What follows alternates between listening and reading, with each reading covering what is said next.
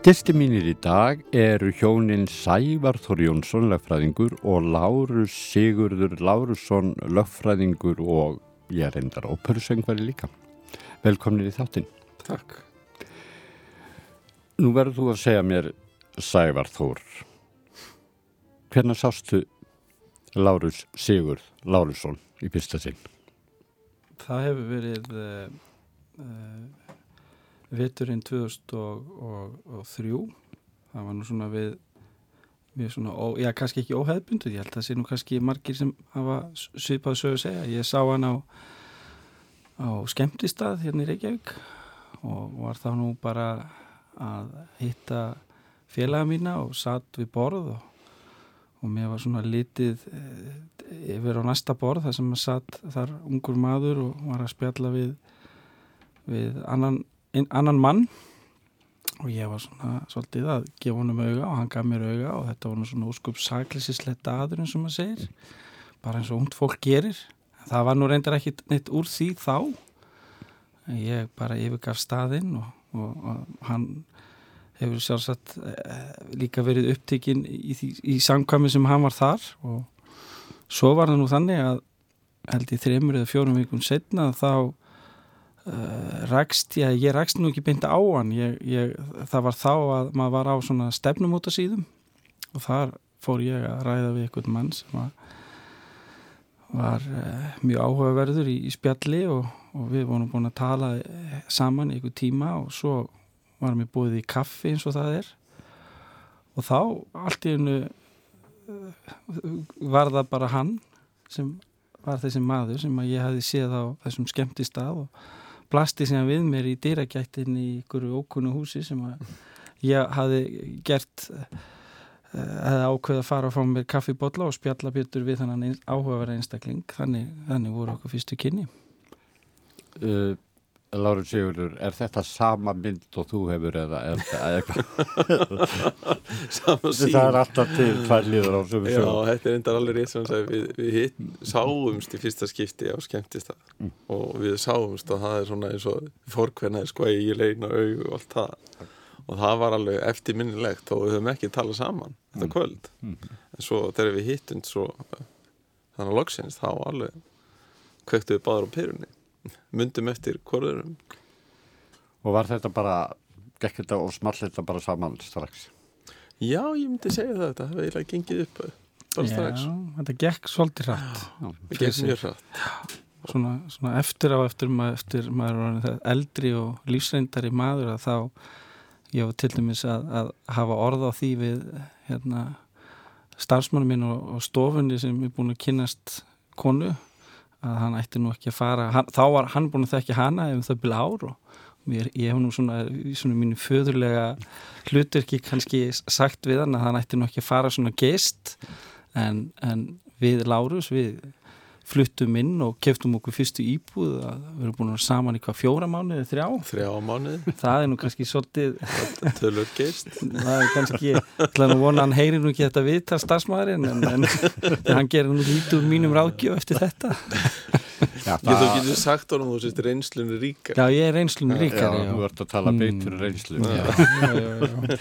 Nei, kannski ekki svo beitur. Þetta er ekki vel. En það gekk nú það, það hratt fyrir sér að meiri segja að við vorum konum með hundum haustið þannig að það var svona það er nú merkjum það að það er búið að stopna fjölskyldu já. Já, en uh, til stopnuðu svo fjölskyldu hvernig kom það til að eitthvað fjölga það var ekki bara hundur sem að bættist í, í fjölskylduna Ég það verið nút aldrei að, að skrifast á hans hævar því að hann var alltaf svona tilturlega snemma í okkar sambúð þannig að tala um það að hún er langaði fjölskyldu langaði börn. En ég var nú ekki alveg á þeim buksunum ég var ekki alveg tilbúin í það. En við komum náttúrulega kannski svona af, af ólíkum fjölskyldum. Ég er alltaf stóri fjölskyldu mikið um krakka, við erum fimm sískininn og, og svona. Samheldin fjölskylda. Samheldin fjölskylda, já, já. Hans fjölskylda er tölvört minni þannig að honum hefur kannski vantað meiri fjölskyldu. Það vilja byggja upp sína einn fjölskyldur og stekka hana. En hann byrjaði að snemma að tala um þetta. Ég var ekki alveg tilbúin ég segi nú líka ofta að sé, ég hafi vita betur um hvað leikunum snýrst eða svona hvað það væri að fara að taka að þessi patn og alla upp patn heldur en hann. En- Já, já, Lárus hefur alltaf verið svolítið svona stíið meira niður með hlutina. Ég hef kannski verið svolítið að einhverju leiti kvatvísari en, en það var þannig að, að mér fannst, uh, ég er náttúrulega yngstur af, já, tvö sískinni og það eru sjö og nýjar á mill okkar. Þannig að ég var nú svolítið svona tiltölulega einn í þessu fjölskylduminstri og aðstæður kannski aðeins öðruvísi en hjá Lárusi. Ég hafði verið mikið tengdur uh, sistra sinni mínum sem var mikið hjá okkur og mér fannst svona tilhugsunin þó hún var, þe- var náttúrulega á þeim tíma það var náttúrulega margt gæst í þessum málum fyrir samkynniða og og á þeim tíma var kannski ekki mikið talað um það að tveir kattminn væri að hala upp börn en, en ég svona eh, lagði áherslu á það og ég átti samtal við Braga Guðbrandsson sem var þá fórstjóri barnavendastofu og ég þekki tengist aðeins og uh, svona ráðfæri mig við hann og hann tók vel í þetta erindi og, og lagði það á okkur, mig og Lárus að við myndum fara í námskeið hjá barnavendanemnd þar sem við myndum svona taka við þessum að taka að farið í gegnum já, mikið svona skrifræði og, og Ég bara eftirlit, nám- námskeið að námskeið og fleira. og það þurfti alveg að reykja manni gatnirna sko í tvö ár. Það var, og, það þurfti svona að fara í gegnum æfi sín og gera hana upp og í gegnum áföll sín í lífinu og, og skrifaði svona sín, sitt að, svona, koma að segja hálfpartin æfisögu og áfallasögu.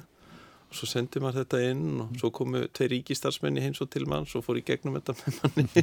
Þeir voru reyndar ekki með kaskeiti en Nei, þeir voru nei. svona mjög ríkistarfsmenn. það, þetta er einhvern undirbúningur undir það að ætliða barn. Já, og það er, þetta er mjög svona stíft og, og, mjög nákvæmt kerfi. Það, það, það er skoðaði fjárhagur og Allt. heilsufar og aðstæður og allt. Fálu vottorð og hinum og þessum og... þetta er svolítið annað heldur en til að fólk eignast börn eftir gömlu leðinni það er, það er betur það væri undirbúningur. kannski betur að væri gert líka í þeim tilvíkum stundum. og hann er eins og ein vinkonum ég segir sko í þeirri deildinni það getur hver sem er kvalið upp að. Kvalið upp að Já, ef hann eignast eftir náttúrulegum leiðum því miður. En þetta, þessi úttekt, hvern, hvað áhrif hafði hún á ykkur að ganga í gegnum þessa úttekt svona opinbera aðila sem að horfa á líf ykkar og fara honum saumana á ykkar viðkvæmustu málum? ég held hún hafi haft mjög jákvæð jákvæð áhrif því að þetta var kannski svona einhverju leiti ákveðin meðferð segja og uppgjör að, að þurfa að setjast niður og, og sko horfa yfir æfi sína þótt hún hafi verið ekki rosalega löng þá. Og hérna rifja upp alla hluti hvort sem voru góður eða slæmur og sérstaklega þá slæmu og, og fara yfir þá. Og tala nú ekki um það síður svo að þurfa að fara að svara spurningum um það. Þannig að maður fór í gegnum þetta allt saman sko, og gerði það upp. Og ég held að það hafi líka verið tilgangurinn að búa mann undir það að, að þegar þú fengir einstaklingur á heimilið, batnið eitthvað og, batnið náttúrulega sko það getur vakið upp alls konar viðbröð hjá manni, alls konar tilfinningur gerir það. Sérstaklega þú fær bat sem er að koma kannski úr einhverjum erfiðum aðstæðum þá oft maður upplifir aðstæðina sjálfur daldi, tengist náttúrulega þeim í gegnum batnið og þá þarf maður að vera daldi undir það búin að sko þá kom ekki eitthvað óvænt upp í maður eigin tilfinningarlífi sem að einhvern veginn þá fari að, að hindra mann í að maður geti sinnt batninu eða tekist á við aðstæðum maður þarf að vera daldi á bara undirbúin undir það sem maður getur komið upp En að fara svona í, í gegnum lífsitt og áföll, Sævar, rótaði þetta upp einhverju sem þú hafðir bæst? Já, ég gerði það. Ég eh, verð bara viðkjöna það. Ég hérna hafði þegar náttúrulega ég fæ hann sonokkar þá taldi ég mig vera undirbúin fyrir það. Við hittum hann á barnaheimili þar sem hann hafði nú nýlega mist móðu sína og hann var einn í mjög stóru húsi með starfsmönnum, ríkistarfsmönnum og það var svona stopnunabræður yfir þessu og við vorum settir í það hlutur að hitta hann á mótnana og skipta á honum og sinnunum, gefa hann að borða og fara með hann í leikskóla og sækja hann og fara með hann aftur á þetta heimili og svæfa hann og fleira og þetta var, að, var í desembermáni 18. desember 2013 þetta var rétt fyrir jól og það svona brast eitthvað í mér, ég veit ekki hvað það var ég fann mikið til með honum og, og ég svona þurfti að taka stafu mína sjálfkörðu á mörguleiti og svo þegar ég er búin að hann flytur hinn til okkar og fleira þá uh, strax tengist ég honum mjög náið og auðvitað sem bara eðlilegt og og þá og líka því að þessum tíma var ég að vinna í mjög erfiðu málum í lögmunnsku þá þarf ég svona taka til í mínu engalífi því að ég var svolítið svona ég drakka þessum tíma og, og ég fór í það færðilega hægt að drekka og, og vinna þess meir í sjálfum mér. Og uh, svo í kjölfari þá opnaðist nú eitthvað flóðgátt innar með mér og ég þurfti að takast á við áföll þegar ég var áttara gammal að ég hafi verið lendið eða hafi verið kynfyrslega misnótaður af, af einstaklingum frá áttara aldri. Eh, þar voru gerundur bæði kona og, og, og menn og uh, það tók á og hérna en ég ákvaða að fylgja því eftir að fara í gegnum það ferli vegna þess að mér fannst ég sem uppælandi ekki verið til staða fyrir sonvinn öðru sem að ég myndi ná að vinna mig út úr því, því áfalli. Og það hefur tekið mig uh, svolítið tíma en í dag tel ég mig vera á mjög góri leið og, og ég er náttúrulega fengið mikið stuðning frá mínu maka, Lárus í því og við höfum farið í gegnum þetta saman og, og, uh, og það sem það hefur gæsti það að ég hef náð að tengjast mínum síni og líka mínum bara nærumkörju miklu betur eftir að ég tókst á við þetta og náði að vinna út úr þessu. Og ég hef verið öðlast bara nýtt líf og nýjar vonir og fleira. Og það er hægara sagt en gert. En, en ef að ég hefði átt að sko, geta staðið mér sem uppannandi fyrir minn són og verið til staðar fyrir hann þá þurfti ég auðvitað að taka til í mínu í, í, í, í sjálfum mér sko Þannig einu djöfin í þessu að taka að sér uh, þetta barn er það að að þú tekur til í þínu í lífi.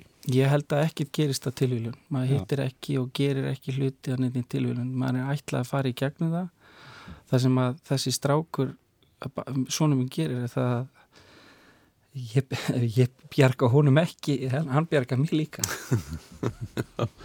Það er eiginlega það sem gerist því að hefði hann ekki komið í mitt líf þá hefði ég ekki náða að vinna mút úr því sem ég þurfti að vinna mút úr og, og ég er miklu færari einstaklingur í dag að öllu leiti bæði, eh, sem fadir maki og, og uh, lögmaður og hvað eina sem ég tek mig fyrir hendur. Alveg rétt Þú, þú tekur undir það. Alveg heilsugar sko. En þegar drengurinn kemur sérna á heimilið eftir að þið eru búin að vera í þessum aðlögunar ferli bæði hann og þið hvernig var að, vera stindilega komið með, já, ekki unga barn heldur, já, svona ungt barn? Já, það var næstu því eins og að fá unga barn, sko, hann var einn þá með bleiu og hann kom úr, uh, kom úr vannlagslarfum aðstæðum og talaði ekki og fengum með hann svona lítinn póka með svona litlu myndun til að sína hann um mat og klósett og svona til að eiga sannskýtti við hann. Þannig að það var alveg kjör brytting á manns aðstæðum og daglega lífi að fá hann og, og hérna sko, fólk segir oft um hann að hann hafi verið svo heppin að koma til okkar. En við vorum ekkert síður heppin að fá hann eins og sæði var að segja hérna á þann en þetta var náttúrulega gjör breyting og, og hérna allt inn að fara að hugsa um svona ungt bat með svona mikla þarfir í rauninni eins og hann var. Og við vorum ekkert undir það búnir þó maður væri búin að fara á þetta námskeið og fara á allan undirbúning og lesa allt þetta sem maður búið að segja maður að lesa að svo þegar maður fær batni í hendur og símtali kemur. Þá allt í hennu stóð maður uppi og sko fannst maður ekki vita neitt. Og það var aldrei þannig held ég. Og maður svona lærði þetta aldrei bara tók eitt dag í einu. Þú þurftu að fara, eða tókuð í fæðingarhólulof? Já, já, við tókum fæðingarhólulof Báðir í einu eða? Nei, við skiptið á millokkar Já, ég náttúrulega var í, í rekstri og, og þarf að sinna þetta því að vera lögmaður og ja. það er mikið ábyrður hlutverk og maður þarf auðvitað að gæta hasmun umbjönda sinni því og þá var kannski ekki tíma bært Lárus vann þá hjá samkynniseftilitinu og það var þá ákveð að hann færi fyrst og svo myndi ég taka í kjölfarið Já. en það var mjög erfiðra fyrir mig það bara er þannig þegar maður er í reikstri mm -hmm. Svo er þetta svo skrítið sko eins og maður er búin að vara í þessu námskeiðum í tvö ár og gangi í gegnum hennan, hennan filter hjá batnaðandari völdum svo bara býður maður. Þegar það er búið þá fyrir maður bara býðlist á býður og svo fær maður alltaf einhver síntal og síntal kom þannig 18. desember til okkar. Og þá þurfti ég að fara sko inn á skrifstofu til fórstjóra minn síðum manns og segja um heyrðu ég, ég er að fara að eiga bann á morgun. Þú stutt meðganga. Mjög stutt fólk hefur vanilega nýju mánuði til að sig, við fengum þarna halvan dag. Já. En það sem þið fram yfir kannski einu að þið fengu gott svona undirbúningsnámstíð Já, já. fyrir, fyrir það að eiga barn. já, En og hann var í jólagjöfin þetta ára hann var kom, jólatjöfun. já, kom til okkar, bara, hvað var ekki 22. desember hann flyttur inn, já. Hvað var það gammal þá? þryggjára Þriggja ára. Þetta hefur verið vendarlega allt öðru sjól hefur þið voru búin að undirbúa. Ég, við vorum ekkert búin að undirbúa jól sko. Já, já, Svo var sagt, bara, bara starfsmaður barnaðendar sem sagði við okkur einn daginn sko, því að við mættum alltaf á mótnan á barnaheimili og svo einn, einn daginn hann, ég maður ekki alveg nákvæmlega hvað dag það var þá segir hún við mig, ég svo vitið að því að ef þið eftir undirbúið jólinn þá hafið þið bara til fjögur í dag. Þá var bara að hlaupa á stað og jólunum reddað sko. Við ætlum nú reyndar að vera ellindis þessi jólin en sem byttu fyrir einhver lutu vegna þá höfðu ekki bóka miðan þannig að Já, kom upp ykkur valkvíði þannig Já, stoppaði það sko. það hjálpaði það er eitthvað leið í loftinu sem að. En á þessum tíma eða þegar þið kynnist þá eru þið raunur í sikkur í starfskreininni. Þú ert í, varstu bú, þú varst búinn að læra löffræði. Já. Sævar, en Lárus, hvað varst þú stættur í lífinu? Já, ég var að útskrifast úr, úr hérna klassískum söng hjá söngskólinn Reykjavík þegar við kynnumst. Það var búin að eða tölurinn tíma í, í tónlistar og söngnám. Varst það að verða óperusöngur? Ég, það var svona þau tímamót, já, það var, sko, það var, það var draumurinn, sko. Já, það var draumurinn og, og hérna, að vaknaði í rauninni eftir svona, hann vaknaði á mentaskóla árun. Já. Ég ætlaði mér alltaf að verða prestur. En svo þegar ég fór í, í MR þá einhvern veginn var það þvegið að mér þar og, og ég hafði mjög mikið áhuga á, á hérna, klassísk tónlist. Og ég átti góða vinkonu, Gunnildi Vógi, hún ákvað þarna þegar við vorum á síðasta árunu í MR að ég ætti bara að fara í, í inntökubróð í söngskólanum. Og hún nýtti mér í lótið það og ég gerði það og komst inn. Og, og þá svona vaknaði þessi draumur að verða óperusöngvari. En þegar við sævar hittumst þá er maður komin á þessi tímamót sko ákveða sko allar að stökkvaður hökva ætlar að þú taka skrefið út í hérna stóra heim eða, eða ætlar að gera eitthvað annað eitthvað praktíst, eitthvað svona Mhm. sem gefur í aðra höndina og er örugt Og var uh, Sævar ráðgjafi í þeim álum? Nei, hann var það ekki Ekki tá Ég árið held að hann hafi ekki viljað það, ég held að hann hafi svona séð að þetta væri ákvörðun sem maður þarf að taka og sjálfur. það getur ekki hjálpa manni í þessu ákvörðun held ég ég var nú svona samt bentið nú á það ég ætla nú já. að eigna mér það einhverju leik Já, ég ég ætla nú Þetta er ekki svona að eins og, gefa eins það og eftir hérna, hún, hún, hún reynir Flemming, óperusöngur, hún skrifaði hérna bók um þróun rattarinnar sinna rattar og síns ferils Mhm. og hún líkti sér við sko, þetta væri svona eins og tvö lönd sko, ná, tónlistarnámið er svona eins og England, gamalt fyllt að hefð og sögu, en svo er ferillin kannski eins og eins og hérna Frakland sem er óssvo spennandi land en svo er Ermasund á milli og það getur engið sagt þér hvernig þú kemst yfir það nú góð lýting. Já. Þannig að, en hvað var til þess að, að þú fóst að læra síðan lögfræði eins og Það- Sævar? Það var nú eiginlega bara Sævar held ég Ég bæði Sævar og faði minn Faði minn hefur nú alltaf talað fyrir því að maður ætti að læra eitthvað mjög praktist og gott eins, gaglegt, eins og lögfræði sko. og talaði sérstaklega um það ég held að hann hafi litið daldið til Davís Oddssonar í þeim efnum. Ég held líka að, að svo hafði ég kvatti til að la, tala við hérna, fórseta lagadildarinnar, hann Þórð. Jú, jú, Þóruð Gunnarsson. Og hann hafði nú svolítið gott lag á þér að, að, að fá þinn inn í dildina. Já, já, hann, hann sko sagði að, að það væri mikil þörf og syngjandi lögfræðingum. Það væri mikil nöðsyn á því í réttarsalina að hafa einhvern sem geti sungið og beitt röddinni. Það sagði þú væri með mörg R, hvað hvernig? Já, svo var það hitt, sko, hann spurði mig með hvað fótballtaliði ég heldi og ég svaraði náttúrulega KR og hann spurði mig hvað mentaskóli ég hefði verið og það var MR og, og hann var náttúrulega fórsetilaði til þér HR og þá sagði hann, já, já, þá kemur þú í mjög exklusívan klubb sem er RN3 og það er KR, MR og HR Og hvernig hefur gengið síðan að vera já, syngjandi lögfræði? Löfræðingur, það hefði bara gengið þokkalega þó að söngurinn hafi nú svona vikið töluvert. Þú hefur ekki getað nota söngin eitt eða? Voða lítið, ég náttúrulega var jú svona daldið í kórastarfi svona til að halda því við og var hjá nú Jóni Stefánsson í Langholmskirkjunni en svo hef ég nú eiginlega ekkert syndi eftir, eftir að hann fjall frá. En lögfræðin hefur átt hug þinn allan svona? Já, mest megnis, en svo náttúrulega er maður alltaf tónlistin er svo gefandi. Tónlistin er alveg það er svona galdur í henni eins og þú veist. Og og hérna, hún fer aldrei neitt. Og hún hjálpa manni mikið í lífinu. Hjálpa manni tilfinningarlega og andlega. Þetta er hún.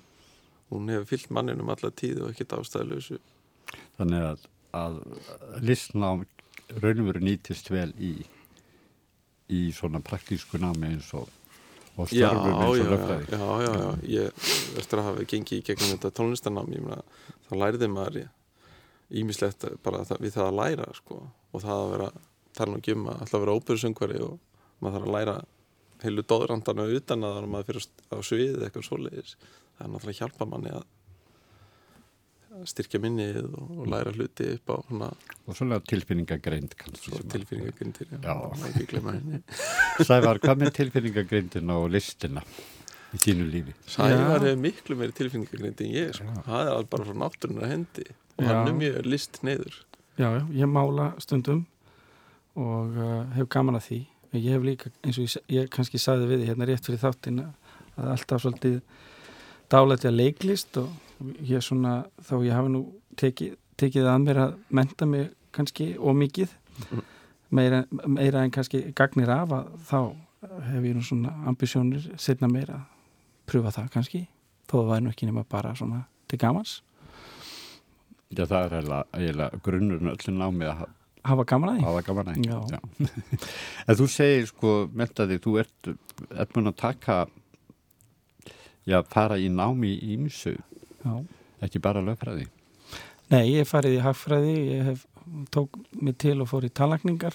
Og ertu kláraður það? Nei. Eftir heimabrúks? Nei, það átti nú. Hann á slopp. Já, já sloppin, en, en það, það átti ekki við mig og já. svo fór ég í hagfræði og Kláraður að hagfræðina? Nei, já, ég nei. tók þarna, tók hlutafinni á, já. en, en ég, náðu, nei, ég kláraði nú ekki. En, en hún kemur nú að gagni í lögfræði? Já, hún gerði það og svo, svo fór ég í, í smá fyrirtækjaregstur og svo fór ég í lögfræðina og svo tók ég þessi málflutningsréttindi og svo fór ég í, í MBA-nám sem ég kláraði núna í fyrra sem nýttist mér mjög vel og mér fannst mjög gaman af. Það er svona, gefur manni insinn inn í hennan heim viðskipta og stjórnun og, og fleira og, og áallanargerðir og fleira.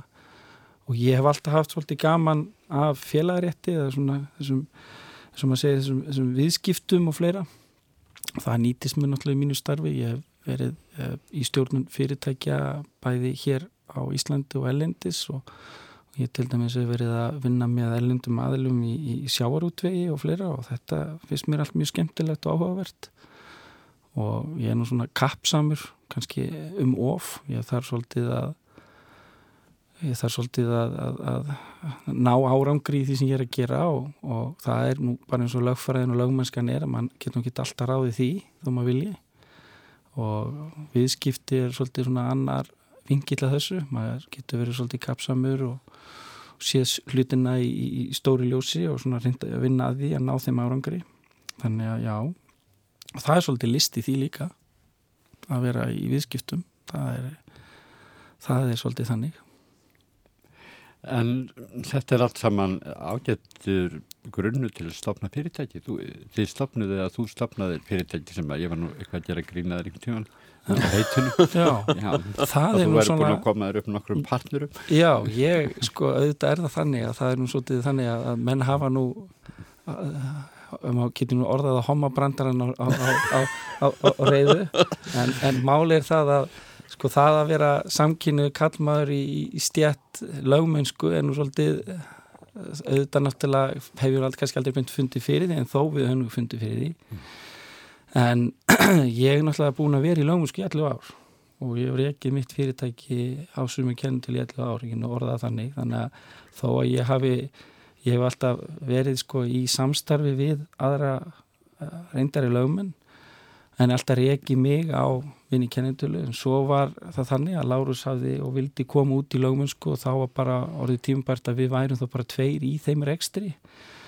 Og þá kúplu við okkur úr samstarfi. Ég, ég til dæmis stopnaði lögmálstofuna Lagarök og ég stopnaði lögmálstofuna Lögmál Sundagörðum með mínum félögum. En það var bara svona samrekstur með mörgum öðrum. En við Lárus vildum einbytt okkur að því að vera bara tveir með stofu. Þannig að ég flutti minn rekstur þá bara undir nýtt nafn.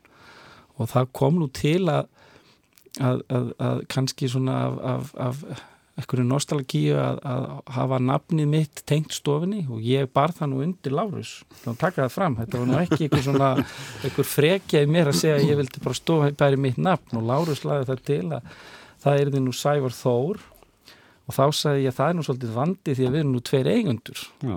og þá kom hann með þessu hugmynd að hafa partner. Og þá sagði ég nú hefðu þá fara nú sumir gáningotnir að gera grína því auðvitað að því það eru náttúrulega fjóri-fimm kallmenn sem vinna á stofunni og eiga þau allir að vera mínir partnerar hvernig nátt að virka?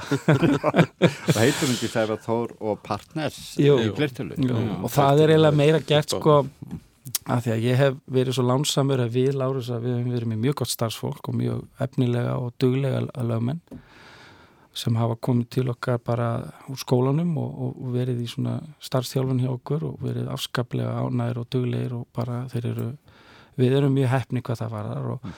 þá er, hefur það verið þannig að við höfum uh, verið hugmynd að þeir verði eigundur þegar þeir ljúka sínu námi eða hafa náð lögmannsréttindum og svo líka höfum við verið í samstarfi ellenda aðila á sviði lögmannskunnar og þetta er svona kannski meiri í takti það sem gerist ellendis heldur en hérna heima. Mm -hmm.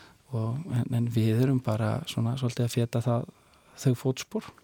En ég auðvitað og lagmennska er náttúrulega eitt af því erfiðustu störfum sem þú getur tekið þér fyrir. Þetta er erfiðt starf, mjög, mjög álags mikið starf og, og reynir mikið á og þú þarfst að vera til staðar fyrir umbjöndur og aðstæður umbjönda og mál eru mjög mismund erfið og þú ert með hagsmunni fólks og þú þarfst að passa þig og vera vakandi og það hjálpar að vera með mjög gott fólk með sér í slíku starfi. Og ég tánu ekki um líka makamann sem að maður geti treyst og stólað á og, og, og svona vegur upp Það var nú eiginlega sko, mjög eðlilegt skref hans mér að ég skildi fara út í lögmusku og við myndum gera það saman því að við höfum alltaf gert allt allt saman í raun og við erum mjög gott heimi frá upphæðu bæði í starfi og námi og öllu sem við gerum þá höfum við alltaf verið til staða fyrir hver annan og, og, og aðstofa þannig að það að við séum að vinna saman var einu held í óumflíjanlegt skref og, og bara eðlilegt næsta skref já. á okkar ferli og okkar lífi. Algjörlega samvala því hvað þetta var, já. Og ég menna við höfum alltaf unni mjög vel saman og við bætum hvoranan upp við erum alltaf mjög ólíkir en, en eins og segir við bætum hvoranan upp á því leiti þannig að það hefur virkað mjög vel í okkar samstarfi og okkar hjónalífi líka. Já, já, og það er svona í lögmuskunni þá er þetta líka þannig að, að þú þart að leita sko, þú þart að fara í alls konar sjóði eða svona uh, alls konar banka, ég get orða mm. Gagnabanka og, og, og, og reynslubanka og líka bregðar í alls konar hluturksnundum og það er þannig að ég svona lausna miðæri, ég finn svona lausnir og aðferðafræði og nálganir sem eru mjög góðar oftast, en svo þarf að matreðari líka og það þarf að tengja þær við alls konar lagabáka og fortæmi og fleira og, -huh. og Lárus er mjög sterkur þar líka og þannig að þetta er þetta er mjög gott að geta verið og unnið í slíku umhverfi. Við talum ekki líka um þegar þú ert með mjög öfluga fulltrúa með þér það hjálpar. Er þið með einhverja sérstakka áherslur eða sérgrein í, í málum? Ég er eh, meira í skattarétti, ég var náttúrulega hjá eh, skastjórunum eh, skastjórunum Reykjavík á tíma, var deildastjóri þar. En, og félagarétti. Og líka með mína mentun MBA-mentun sem hefur hjálpað mér svolítið. Uh, en, en nei, við erum í raun og veru orðnir mjög sjóaður í öllum málum og, og, málum, og við erum höfum verið í flestu málaflokkunum innan mm. á, á sviði lögfræðinar Veljið raun og veru inn í sem partnera? Mm. Þá fólk sem hefur þá ólíka og, og viðtæka reynslu aðra heldur en þið kannski hafið einbætt ykkur til að pá svona breytt í stofuna. Við hefum passað okkur að við erum með starfsmenn á stofunni sem hafa líka ákveðin sérsvið og hafa mm. til dæmis skrifa fræðigreinar og fleira til dæmis í stjórnsýslu eða félag, félagarétti eða í hjúskaparétti hvernig það er, þannig að jú, við höfum við, við erum sífælt þetta að blokkur og við höfum líka svolítið nýtt okkur samstarfið lögmenn og, og, og, og fyrirvændi starfsmenn domskerfisins stundum sem eru bara komnir á eftirlaun og það er svolítið gott og mikilvægt að setjast niður með þeim og fá svolítið að að flett upp í gagnabankan í höf þeim mm. og það er það sem maður gerir sem, sem lögmaður að maður, maður getur aldrei verið sko, maður nálgast aldrei mál með það að maður viti allt maður þarf að En svo krafið samt oft gerð til lögmanna að þeirri viti allt Já, þess að stjólstæðingurinn vil og. já, og til farið svo inn í næsta herbyggji og aflið ykkur um sig en fyrir framann hann þurfið kannski einmitt að sína það andlið tröst að þið hugsalega vitið eða munið vitast. Já, við, við, við auðvitað nálgust mál náttúrulega fælega en við þurfum líka, svo er líka mannlið þátturinn í þessu að, að sko nálgast mál er ekki alltaf að nálgast að bara út á lögfræðinni, út frá lögfræðinni. Maður þarf líka að vera svolítið mannlegur og tala ekki um í sumi málaflokkum þá þarftu nú bara að nota svona ímis mannlegi element til að nálgast og líka bara gagga gagnaðalun, af því að sko við þurfum oftar en ekki bara að vera að raunsa í nálgun. Þó að lagfræðin sé með okkur þá er stundum það ekki alltaf að hjálpa. Maður bara stundum að setjast niður með fólki og segja að við erum hér í þessum aðstæðum og við tala ekki um eins og í málaflokkum eða var að börn.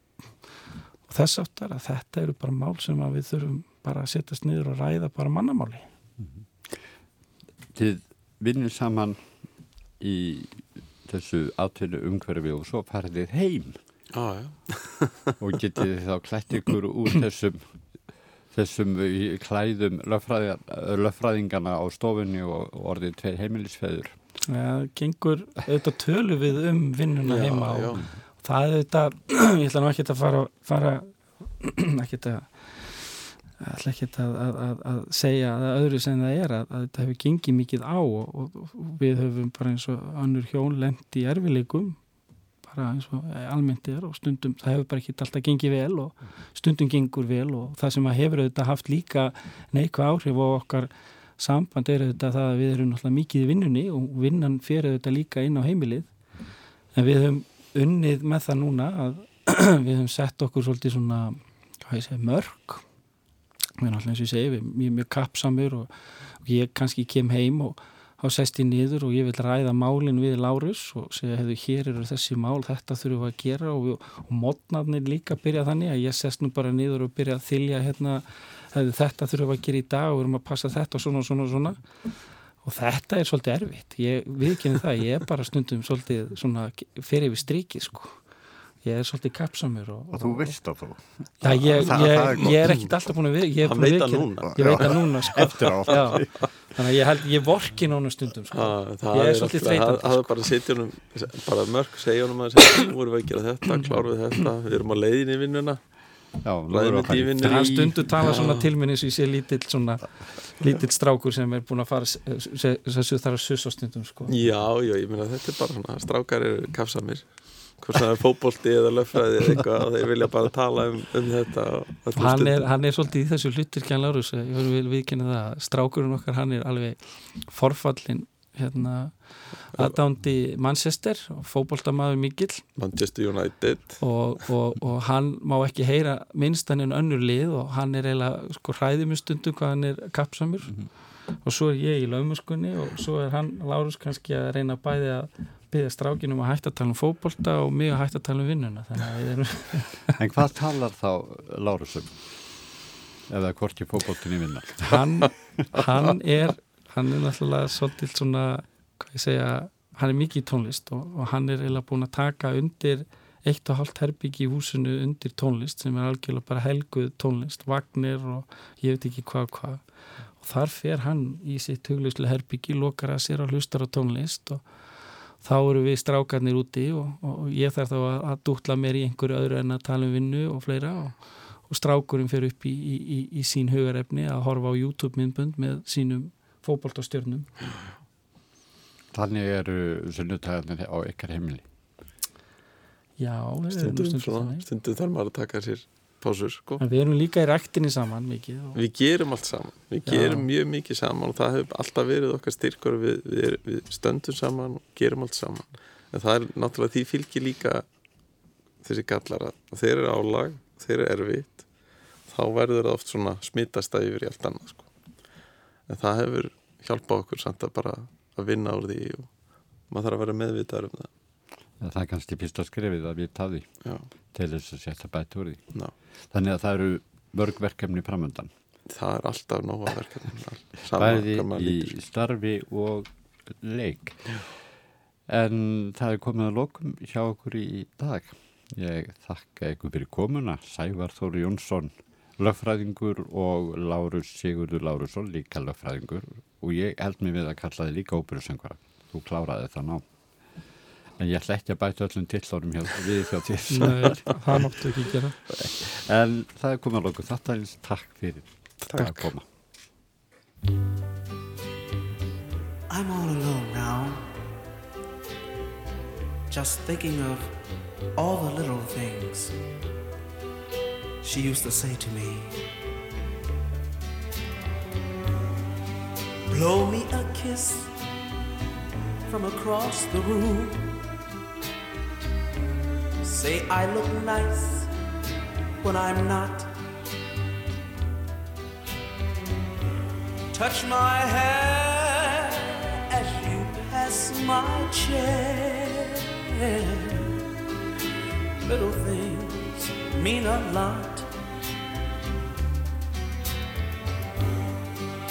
Give me your arm as we cross the street. Call me at six on the dot. A line a day when you're far away.